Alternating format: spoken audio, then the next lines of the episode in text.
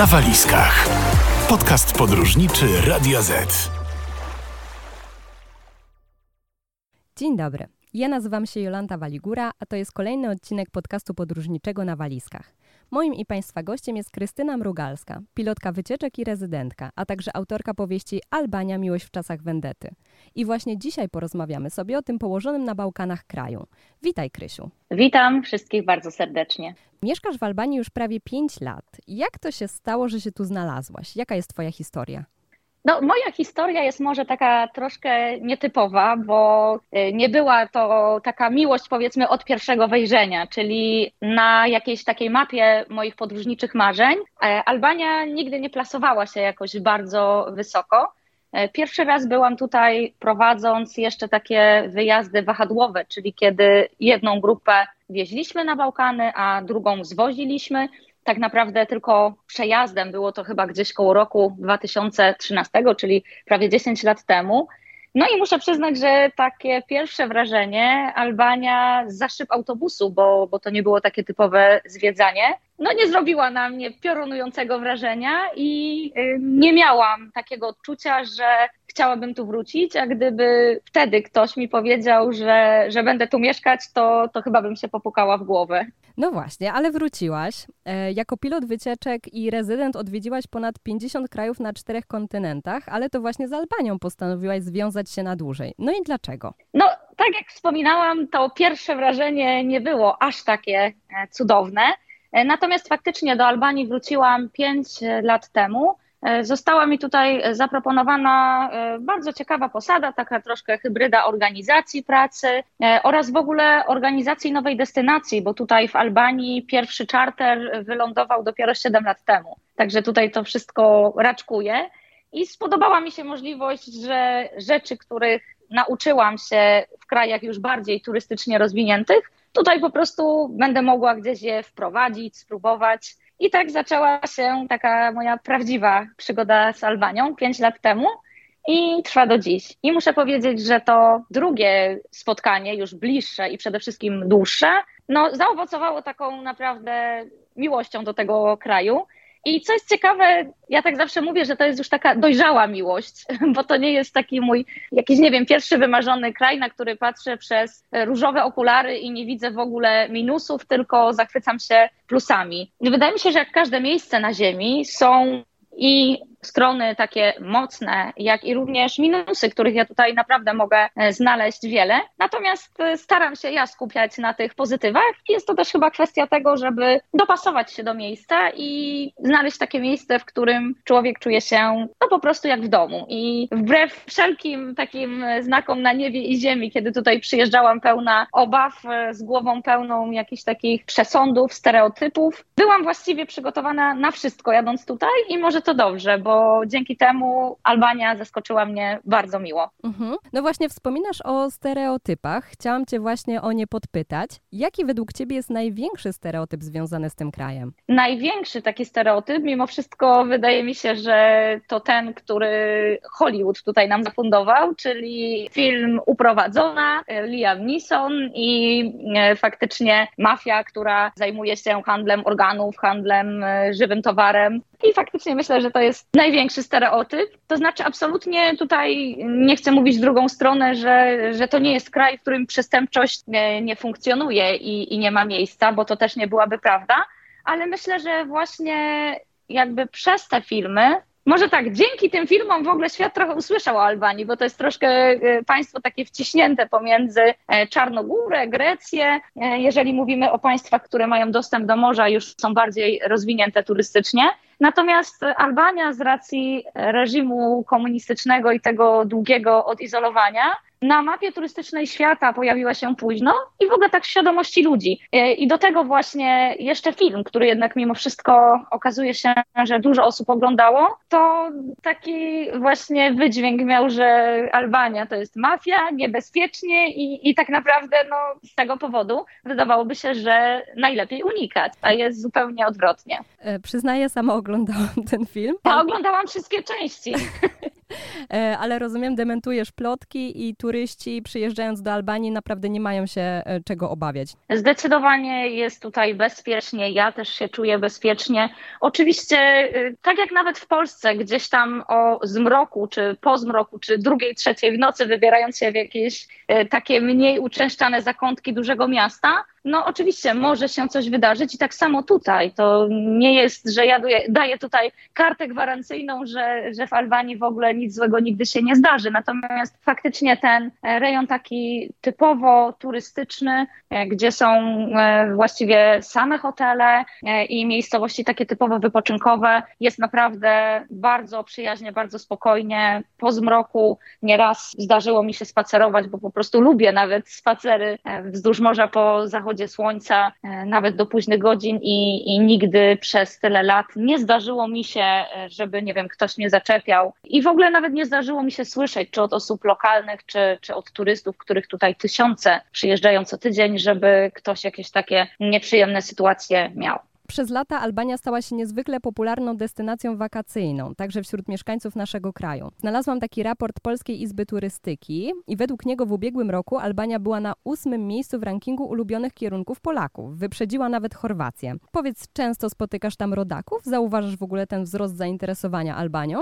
To znaczy w ogóle tutaj Polacy byli pionierami, jeżeli chodzi o turystykę zorganizowaną w Albanii, bo tak jak wcześniej wspominałam, pierwszy czarter turystyczny, czyli zorganizowane wakacje z biura podróży, wynajęty samolot, a na jego pokładzie wszyscy ludzie, którzy do jednego miejsca jadą spędzić urlop. E, I ten czarter był czarterem polskim. Także zdecydowanie jesteśmy tutaj pionierami i siłą rzeczy tutaj ta sytuacja ma kontynuację, skoro spotkała się z takim ciepłym odbiorem naszych rodaków i turystów z Polski e, w tej chwili, szczególnie tutaj w rejonie e, Dures i Golem, gdzie e, lata większość czarterów z polskich biur podróży, turystów z Polski jest tutaj najwięcej. Jesteśmy mhm. tutaj większością. Wielu osobom Albania kojarzy się wyłącznie ze słoneczną pogodą i piaszczystymi plażami, ale ten kraj oferuje przecież o wiele więcej. Może powiedz, jakie miejsca w Albanii zrobiły na tobie największe wrażenie?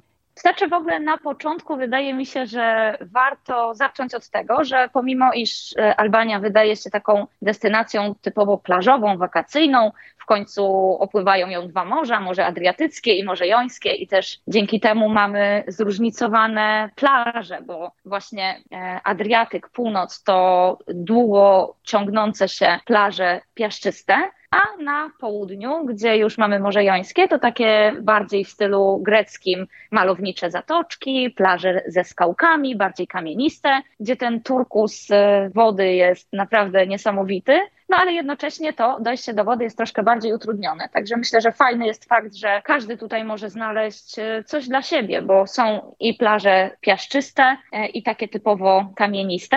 Natomiast y, pomimo tego dobrobytu plażowego, trzeba pamiętać o tym, że ponad 70% powierzchni Albanii zajmują góry. Także zdecydowanie polecam każdemu, który wybiera się tutaj e, po słońce, e, plażowanie, naładowanie tych naszych e, baterii. Mimo wszystko polecam, żeby właśnie wybrać się z dala od tych kurortów do wiosek, do miejscowości górskich, gdzie mamy na przykład takie perełki jak ta słynna, no już niestety coraz bardziej słynna, albańska taj Tajlandia, czyli jezioro Koman, a właściwie ten odcinek, gdzie jest rzeka szala, która do złudzenia z tymi kamiennymi mogotami e, przypomina właśnie południe Tajlandii, e, okolice Krabi. E, również e, właśnie polodowcowe jeziora górskie, e, szczyty, wioski.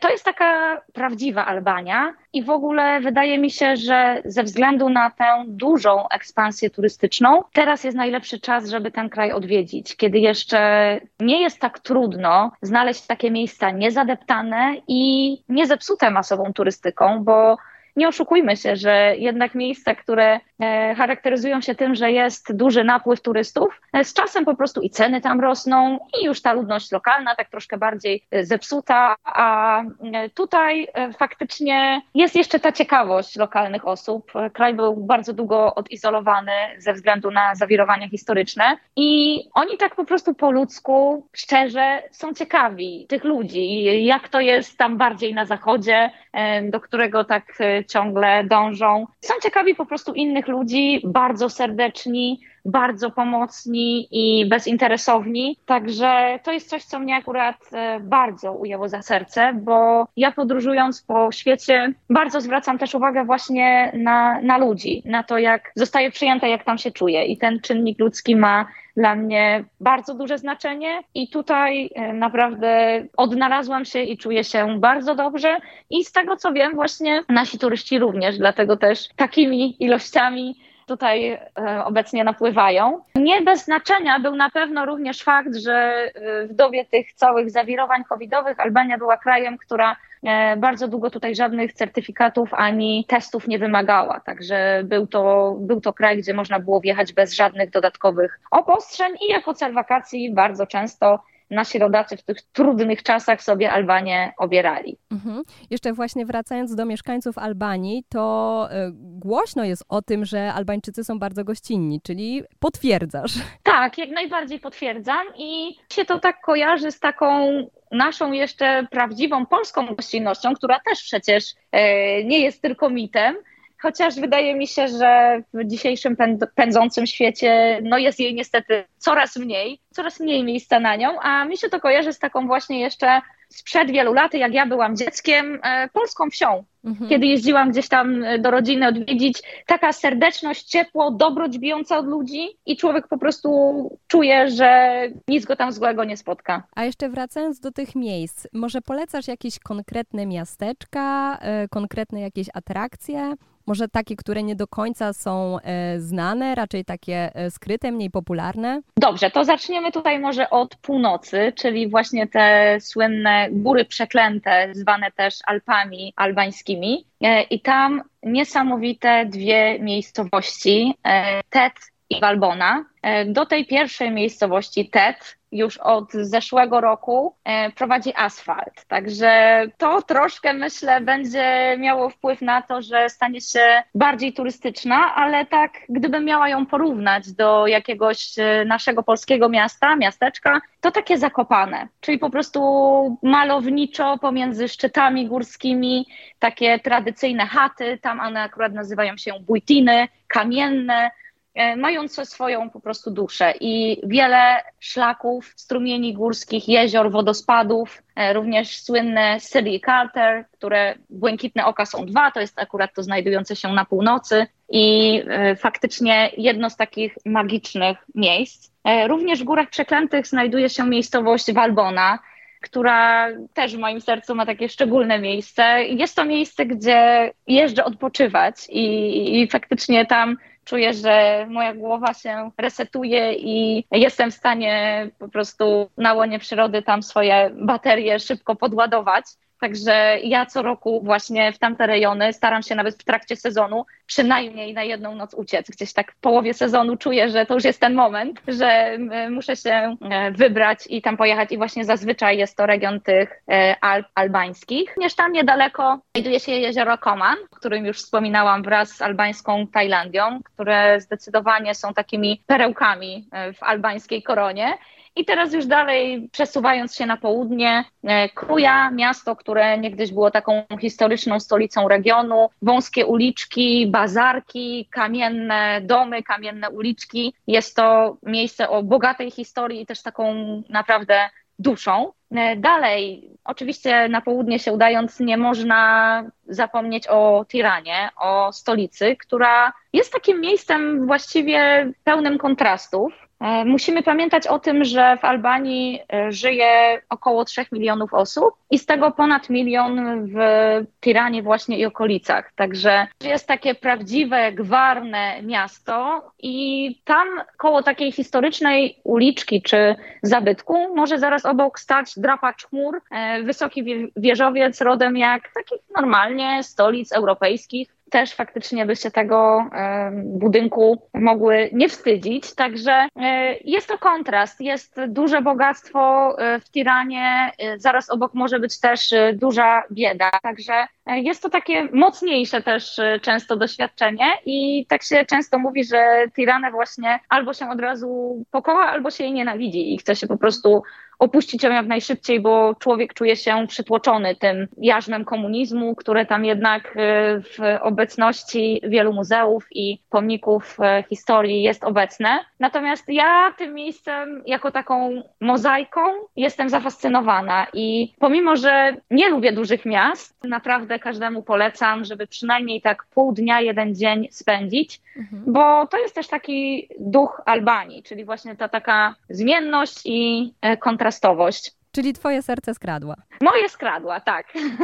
Nie też od razu, ale właśnie przy takim bliższym e, poznaniu, jeśli Tiranie da się szansę, to naprawdę ma też bardzo dużo takich naprawdę klimatycznych zakamarków, kawiarni i restauracji, które naprawdę warto odwiedzić, przysiąść na chwilę, przyjrzeć się temu gwarowi ulicznemu, jak toczy się tam życie, no i troszkę zadumać się nad filiżanką pysznej albańskiej kawy.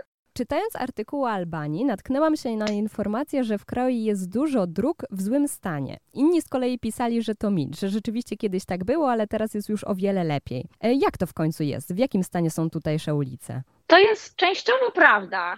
To znaczy, infrastruktura drogowa Albanii z roku na rok się poprawia i faktycznie są to ogromne inwestycje i e, naprawdę widać, że kraj nad tym pracuje. Dosłownie kilka dni temu, 3 e, lipca bodajże, został oddany kolejny odcinek e, wraz z prawie półtora kilometrowym tunelem, który właśnie skracać ma drogę z Tirany na południe do jednego z bardziej znanych kurortów, do Sarandy. Także co chwilę właściwie słychać, że gdzieś tam te drogi się e, i ich stan. I na chwilę obecną, tak w dużym uproszczeniu, wygląda to tak, że główne arterie komunikacyjne, czyli stolica, a najważniejsze miasta, czy to na północy, czy na południu, i dojazd właśnie do e, takich miejscowości typowo turystycznych są w naprawdę dobrym stanie. Natomiast kiedy byśmy już udali się do jakichś mniejszych wioseczek, do takich no, zapadłych dziur w cudzysłowie, gdzieś tam przykładowo pod granicą z Macedonią czy z Kosowem, to faktycznie potrafią być drogi dziurawe jak sito i są takie miejsca, że tego asfaltu pomiędzy dziurami faktycznie trzeba szukać. Mhm. A czy to prawda, że Albańczycy nie za dobrze radzą sobie za kierownicą i nie przestrzegają zasad ruchu drogowego? Tutaj z tym e, myślę, że można się zgodzić. E, tutaj nawet miejscowi się śmieją, że Albańczycy jak siadają za kółkiem, to e, mówią tak, że ja wiem, że nie wiem jak jechać, on też nie wie i dlatego obydwoje jedziemy ostrożnie, jakoś sobie radzimy. Także faktycznie jest to chaos. Przykładowo ja bardzo nie lubię, pomimo że już tutaj kilka lat mieszkam, jeździć w Tiranie. Jest takie rondo, które myślę jest koszmarem każdego kierowcy, a na pewno kierowcy który e, no po prostu akurat z tego miasta nie jest. Rondo to ma pięć pasów, ale nie wszystkie są narysowane i część e, ludzi jeździ w poprzek jakby tego ronda, już chcąc się wydostać. E, jeżeli chodzi o przepisy, to nikt z lokalnych, żadnych mi bliższych w stanie nie jest przedstawić. I koniec końców to po prostu prawo dżungli, prawo większego. Także te wszystkie wielkie jeepy, suwy e, faktycznie czują się tam e, królami szos i, i, jadąc gdzieś tam e, takim małym żuczkiem, to po prostu no, trzeba mieć oczy dookoła głowy. Także w stolicy zdecydowanie tak. Natomiast jeżdżąc gdzieś tam już dalej w kierunku południowym, gdzie większość kurortów się znajduje, to jeżeli chodzi o wypadki czy takie bezpieczeństwo, to, to naprawdę nie ma tego wbrew pozorom aż tak dużo ale potrafią mieć taką fantazję za kierownicą i trzeba mieć szczególnie na początku, tak można powiedzieć, oczy dookoła głowy. Jak działa w takim razie komunikacja miejska w Albanii? Jeśli chodzi o komunikację miejską, to jest to tutaj troszkę utrudnione, bo przede wszystkim e, wszystko zaczyna się w głowie, czyli w mentalności. Tutaj e, oczywiście taki styl typowo południowy, e, a wasz, a wasz, czyli powoli, powoli. To jest odpowiednik takiego greckiego siga, siga. No i na tym samym polega, czyli co masz zrobić dzisiaj, zrób jutro, co jutro zrób za miesiąc. No i tak samo sprawa ma się z komunikacją e, miejską, autobusową. Bardzo często nie ma w ogóle rozkładów, e, a jeżeli są, to i tak nikt ich nie przestrzega, także mhm. jakby na jednym się kończy. Żeby podróżować komunikacją po Albanii, naprawdę trzeba się uzbroić w ogromne pokłady cierpliwości. Natomiast mam też dużo miłych takich wspomnień z podróżowania po kraju autobusami, bo zdarzyło mi się, że nawet gdzieś tam pomimo braku przystanku e, mnie zabrali. Moich znajomych, e, którzy spóźnili się na autobus, gdzieś tam, prawda, e, właściciel kafenionu, który zobaczył, że czekają, powiedział, że autobus odjechał wcześniej, bo nie wiadomo, akurat wcześniej, tak sobie bo postanowił. gdzieś tam się spieszył. Tak sobie postanowił. No, na przekór też może się zdarzyć czasem wcześniej. Zamknął cały po prostu sklep, E, wziął ich na pakę i podwiózł do autobusu, bo do kierowcy zdążył już zadzwonić, że ma się gdzieś zatrzymać e, przy kolejnym sklepie na kawę. Także, czyli jest ta e, gościnność. E, tak, jest gościnność, jest taki koloryt, bo właśnie też bardzo dużo rozmów. Albańczycy często zagadują, są bardzo otwarci.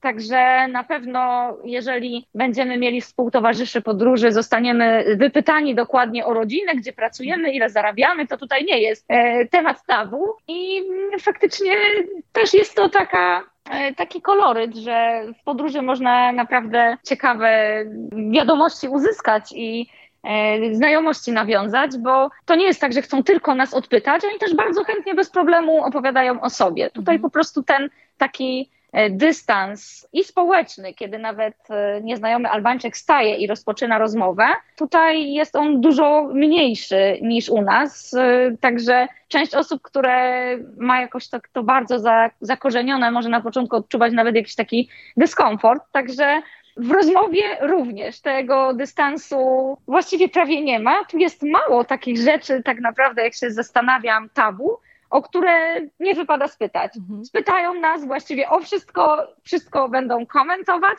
ale też sami chętnie opowiadają o sobie. To w sumie podczas wakacji można i przyjaciela znaleźć. Oczywiście. Mam też takie osoby, które właśnie przyjeżdżają do jakichś apartamentów czy hoteli e, już po prostu któryś rok i właśnie też ze względu na ludzi, którzy te interesy prowadzą, czy też odwiedzają po prostu te same restauracje i no, nawet swoje imiona po prostu po roku e, przy odwiedzinach potrafią pamiętać czy ulubioną potrawę, co jest naprawdę niesamowite, kiedy jednak wiadomo, że tych turystów e, no, tutaj jest bardzo dużo. Mhm, no tak, to w końcu ludzie tworzą klimat danego miejsca. Od kiedy pamiętam, mówiło się, że Albania to idealny kraj dla osób, które nie chcą dużo wydać podczas urlopu. Czy nadal tak jest? Jest tak nadal. W porównaniu do czy krajów ościennych, czy takich najpopularniejszych destynacji turystycznych w Europie, jak chociażby Grecja, Włochy, Hiszpania czy nawet Turcja, to ceny na tak zwanym mieście, żeby pójść i zjeść jakieś lokalne potrawy, na szczęście pomimo inflacji, która tutaj e, Albanię też e, dotknęła. E, ceny są naprawdę bardzo jeszcze przyzwoite, także ja mhm. może od razu posłużę się przykładami. Przykładem. Mam nadzieję, że, że słuchacze po obiedzie albo po kolacji, także będę teraz tutaj menu prawda, redagowała. E, przykładowo, miska owoców morza, bo jeśli mówimy o miejscowościach nadmorskich, to warto tam właśnie próbować ryby, owoce morza, to co jest tam e, świeże, pod ręką i, e, i po prostu tanie i dobre. Natomiast będąc w miejscowościach górskich, nie zamawiamy ryby czy kalmarów, bo być może gdzieś tam, e, nawet często Albańczycy nie chcą odmówić, powiedzieć, że czegoś nie ma, pojadą do drugiej wioski, więc naczekamy się z godzinę i gdzieś tam załatwią jakieś, prawda, mrożone i dostaniemy tego kalmara, ale po co? E, w górach jemy e, kozinę, jagnięcinę i, i takie dania właśnie bardziej na bazie mięsa, natomiast na wybrzeżu królują ryby i owoce morza i teraz przykładowo cena. Miska muli nadal jeszcze teraz kosztuje około 500-600 lek, czyli to jest gdzieś około 5 euro. Niecałe 5 euro, czyli cena naprawdę przyzwoita. Jak na te czasy super. Tak, jak na te czasy to super. Makaron z owocami morza około 600-700 e, lek, także tutaj też mówimy o kwocie około 6 euro, czyli Nadal jest to mniej w przeliczeniu niż 30 e, zł, a jest to naprawdę taka solidna porcja. Można się Także najeść. zdecydowanie można się najeść i polecam, żeby właśnie będąc w regionach nadmorskich korzystać z tych darów morza, bo kuchnia albańska jest taką hybrydą, takim połączeniem ciekawym właśnie kuchni troszkę wpływów tureckich, greckich, włoskich e, i generalnie e, w ogóle jeszcze z ościennych krajów bałkańskich. I ja mam wrażenie, a jestem takim troszkę wybrzydzaczem i niejadkiem, jeżeli chodzi o, o kuchnię, że tutaj najlepsze rzeczy po prostu od sąsiadów pobrali i połączyli je właśnie w kuchnię albańską. Także jest ona pyszna i no przede wszystkim tania, także można z, niej, z jej dobrobytu po prostu korzystać e, często i bez wielkiego uszczerbku na kieszeni. Słuchasz podcastu podróżniczego Radia Z. 14 marca w Albanii obchodzony jest Dzień Lata. Mieszkańcy świętują wtedy koniec zimy i nadejście nowej pory roku. Od 2004 roku jest to oficjalne święto narodowe, dzień wolny od pracy. Jak obchodzą go Albańczycy? Co się wtedy dzieje w Albanii? Znaczy w ogóle to jest e, śmieszne, o to mi się często ludzie pytają, że dlaczego dzień lata, przecież to się dopiero zaczyna wiosna. Także tu kalendarzowo tak naprawdę są cztery pory roku, ale tak naprawdę już od połowy marca te temperatury tutaj, jako że jesteśmy no, na południu Europy, w basenie Morza Śródziemnego, Także te temperatury zdecydowanie e, już po prostu e, rosną, są wysokie. E, I tak naprawdę można powiedzieć, że lato się rozpoczyna. I jak Albańczycy świętują? Przede wszystkim rodzinnie. To są spotkania przy suto zastawionym stole Niekoniecznie jakoś dużo alkoholu, e, ale faktycznie okazja i każdą taką okazję e, wykorzystują, żeby celebrować spotkanie się razem, radość i rodzinę. Tutaj te wartości są jeszcze takie e, mocno, mocno zakorzenione. I też jest bardzo dużo tutaj w Albanii okazji do tego świętowania, bo jest to kraj w Europie, gdzie jest najwięcej wolnych dni w roku. W roku 2020 i skąd to się w ogóle bierze? Wow. E, oprócz wszystkich świąt e, takich typowo państwowych, dniami wolnymi od pracy są też w Albanii wszystkie święta najważniejszych trzech religii, czyli e, i święta dla islamu, i dla prawosławia, i dla katolików. Także niezależnie od wyznania, no bo mamy też tutaj oczywiście ateistów i to dosyć pokaźne grono, Także niezależnie od tego, ateista ani w y, muzułmański Ramadan, e, ani w prawosławną Wielkanoc, ani w katolicką do pracy chodzić nie musi. Także wszystkie trzy najważniejsze religie, te najważniejsze święta, jak właśnie Wielkanoc, Boże Narodzenie, czy też zakończenie Ramadanu, czy święta ofiarowania, wszystkie te dni są wolne od pracy i to jest tutaj też w Albanii fajne, ta tolerancja religijna, której na świecie myślę teraz obecnie bardzo brakuje, a tutaj te trzy religie mogą bez problemu ze sobą funkcjonować, koegzystować i to jest dla nich tak naprawdę okazja, żeby zasiąść przy stole i nie ma żadnego problemu, żeby właśnie w Wielkanoc przykładowo i muzułmani e, z rodziny, bo często są też małżeństwa mieszane, również e, świętował, bo jest to bardziej święto rodzinne niż takie typowo religijne. A na szczęście do pracy nikt nie musi iść i do tego też, jeżeli jakiekolwiek święto wypada w weekend, od razu przenoszone jest e, na poniedziałek, że odbierają sobie poniedziałek wolny. Super. Wyczytałam też, że wieczorami mieszkańcy wielu miast wychodzą na Giro. Mam nadzieję, że dobrze to. Giro, tak. O właśnie. Czyli taki oficjalny wieczorny spacer, żeby rozprostować nogi. Przynajmniej takie jest założenie. Albańczycy chodzą wtedy po ulicach i rozmawiają z sąsiadami. No i właśnie, czy rzeczywiście istnieje taki zwyczaj? Istnieje jak najbardziej taki zwyczaj, e, jest jak najbardziej zauważalne, że właśnie tak po godzinie gdzieś 18, e, kiedy już te temperatury są niższe, e, ale teraz latem, kiedy są upały nawet tak często o zachodzie słońca, tłumnie Albańczycy i w miastach, i na wsiach wychodzą na to słynne Giro, czyli po prostu spacer, może być to wzdłuż promenady, w tę i z powrotem, czy to deptakiem miasta, ale właśnie jego najważniejszym takim celem jest po prostu to rozprostowanie kości, poplotkowanie trochę, bo nie mhm. oszukujmy się, że tutaj też o to chodzi. E, I faktycznie to jest taki, można powiedzieć, święty zwyczaj. E, Albańczycy bardzo go przestrzegają. Jest też takie jedno, ja przynajmniej znam miasto, to jest na trasie, kiedy jedzie się bardziej na północ w rejon Diver, gdzie jako, że przechodzi tam obecnie dosyć ważna trasa komunikacyjna, E, od godziny 18 do 19 oficjalnie jest przejazd przez miasto zakazany. Trzeba po prostu jechać objazdem, bo mieszkańcy wychodzą na Giro. Wszyscy wiedzą, że jadąc trasą tam e, w ten region trzeba albo zdążyć do 18, żeby nie musieć objeżdżać, bo ten objazd tak z 15-20 minut naddaje. Mhm. Nie da się po prostu przejechać przez rynek, przez centrum, bo mieszkańcy muszą mieć swobodę i spokój, żeby odbyć swoje Giro. Także myślę, że jest to taki przykład, który e, najlepiej e, ilustruje przywiązanie Albańczyków do zwyczaju e, Giro, a jest to dokładnie w miejscowości Burel. Mhm. A czy Albańczycy mają jeszcze jakieś inne zwyczaje, tradycje dnia codziennego? Wspominałaś coś wcześniej o kawie? Tak, tutaj kawa zdecydowanie jest to świętość dla każdego Albańczyka. E, poranek, dobry dzień musi się e, zacząć od kawy.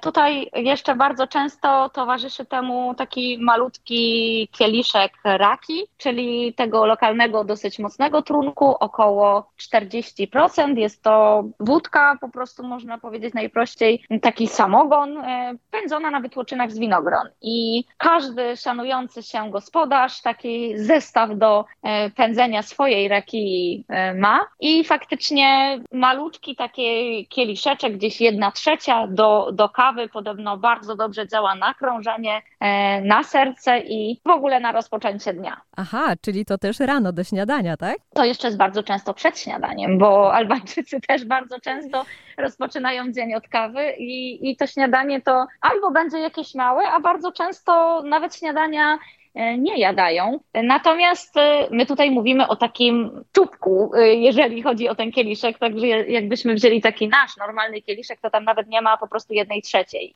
Albania to kraj bunkrów. Niektóre źródła twierdzą, że jest ich tu ponad 750 tysięcy. Czy rzeczywiście jest ich tak dużo i można je spotkać prawie na każdym kroku? Już odpowiadam na temat bunkrów.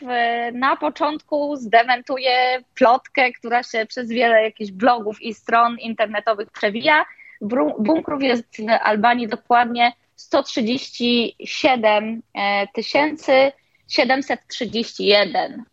Zostało to policzone faktycznie no to jest e, w roku różnica. 2000, tak. E, w roku 2014 oficjalne dane zostały właśnie w muzeum też Bunkart, które zostało utworzone w bunkrze w Tiranie, które jest jednocześnie Muzeum Komunizmu. Faktycznie dane na temat ilości bunkrów zostały ujawnione, ale faktycznie było to dopiero kilka lat temu, a tak wcześniej tych bunkrów po prostu było mnóstwo i nikt nie wiedział, ile dokładnie, stąd też może takie mity wokół tej e, liczby urosły. Natomiast e, miało ich być wybudowanych zgodnie z planem dyktatora Envera Hodży około 200 tysięcy. A jaką rolę obecnie pełnią bunkry? Wspominałaś właśnie, że w jednym jest muzeum? Tak, e, coraz częściej bunkry są właśnie wykorzystywane jako infrastruktura turystyczna. E, w dwóch bunkrach właściwie w Tiranie są stworzone muzea, także właśnie Bunkart 1 e, i Bunkart 2. Do tego często bywa też, że znajdujące się na promenadach są jakoś pomalowane, otwarte tak, że można wejść do środka. W niektórych nawet powstają dyskoteki, jeżeli są to faktycznie większe, także starają się Albańczycy, żeby coś, co faktycznie no, jest takim naocznym e, świadkiem tej e, epoki komunizmu i reżimu, może też stać się atrakcją turystyczną, także starają się też to właśnie e, przekuć w stronę drugą, ale faktycznie jadąc tak przez Albanię z północy na południe, tych bunkrów jest naprawdę dużo. I nawet tutaj w miejscowościach nadmorskich, spacerując promenadą, E, zawsze kilka bunkrów uda się zobaczyć. Mhm.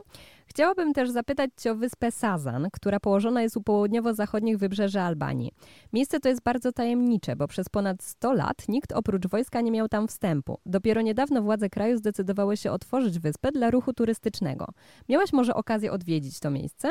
Tak, miałam okazję odwiedzić Wyspę Sazan i, i to wielokrotnie, bo tam obecnie są e, organizowane właśnie wycieczki mhm. dla gości, którzy wypoczywają tutaj w regionie Dures, czyli e, którzy wypoczywają nad Adriatykiem, na tych plażach piaszczystych.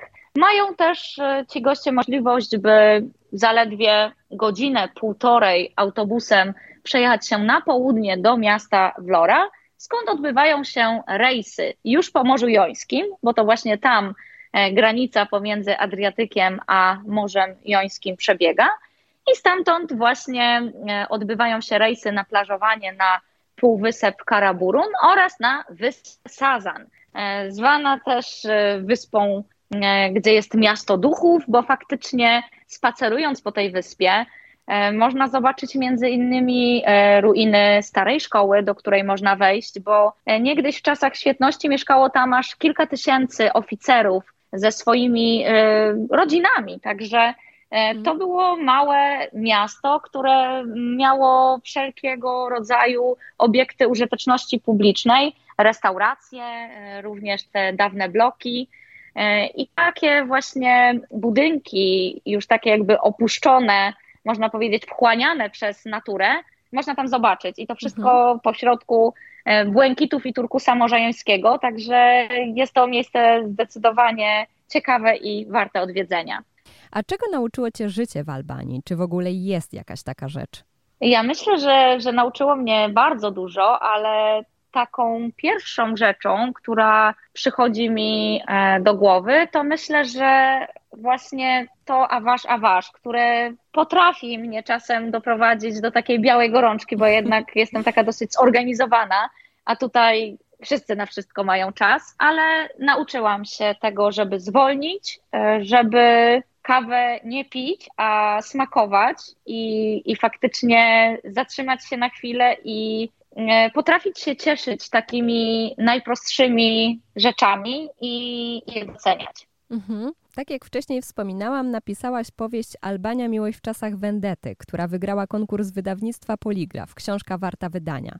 O czym ona jest? E, właśnie książka e, o Albanii była takim moim pomysłem, by e, osoby, które przyjeżdżają tutaj tłumnie na wypoczynek i część z nich nawet nie zawsze gdzieś tam ma ochotę odwiedzać miejsca o wartości historycznej. Ja sobie tak, taki plan w głowie założyłam i sama sobie narzuciłam taką misję, żeby osoby tutaj przyjeżdżające mimo wszystko oprócz y, leżaków, plaży i all inclusive, czegoś o tym kraju się dowiedziały. Także książka opowiada fikcyjną historię, jednak wplecioną w takie nieprzekłamane ramy historyczne, bo mowa tutaj o e, upadku reżimu komunistycznego, jaki to miało wpływ właśnie na życie normalnych ludzi i e, potem następnie te zamieszki w kraju, kryzys piramidowy, masowe ucieczki do Włoch, do Grecji, właśnie za tak zwanym no, lepszym życiem, ucieczki za chlebem. E, także tutaj historia Albanii i to taka jeszcze zupełnie niedawna, bo mowa tutaj głównie o latach 90. E, właśnie wpleciona w taką historię miłosną, także czyta się podobno, bo autorowi chyba ciężko ocenić, ale czyta się podobno bardzo lekko a jednocześnie przemycone są tam wydarzenia historyczne, kulturowe, bo e, miłość w czasach wendety, tutaj ta Jack Myra, bo to jest właśnie wendeta po e, albańsku. E, faktycznie jeszcze to prawo rodowe kanunu jeszcze w takich zapadłych wioskach na północy obowiązuje, ale jest to ciekawy taki motyw kulturowy, jak, jak i te zaprzysiężone dziewice, czyli kobiety, które ślubują czystość, żeby móc przyjąć e, prawa, które przynależą się mężczyznom. Można dowiedzieć się z książki, jak wygląda albańskie wesele, jak ludzie niegdyś łączyli się w pary, jak wyglądało takie swatanie. Po prostu przybliżyć sobie historię Albanii, jednocześnie pozostając na leżaku. Mhm. A zamierzasz napisać jeszcze jakąś książkę? Tak, mam to w planach, bo ta właśnie pierwsza książka, Albania Miłość w czasach Wendety, ma takie, można powiedzieć, otwarte zakończenie. To, to nie było tak planowane, ale faktycznie, kiedy ja tak naprawdę na parę dni przed końcem tego konkursu, który y, udało mi się wygrać, dowiedziałam się o nim i okazało się, że no jest ten deadline, do którego powieść trzeba wysłać i, i zakończenie po prostu troszkę zmieniłam i pozostawiłam je otwarte. Także dużo osób pyta mi się, kiedy część druga, co tam dalej z tymi bohaterami będzie się działo. Także mam nadzieję, że już tej zimy, kiedy złapię trochę oddechu po sezonie letnim, uda mi się zabrać za kontynuację losów bohaterów książki, bo wydaje mi się, że jestem im to winna. Super, w takim razie trzymam kciuki. Dziękuję. Ja bardzo dziękuję za rozmowę. Nazywam się Jolanta Waligura, a moim i Państwa gościem była Krystyna Mrugalska. Kolejny odcinek podcastu na walizkach już w piątek. Do usłyszenia. Do usłyszenia. Cześć. Więcej odcinków podcastu na walizkach znajdziesz na player i Spotify.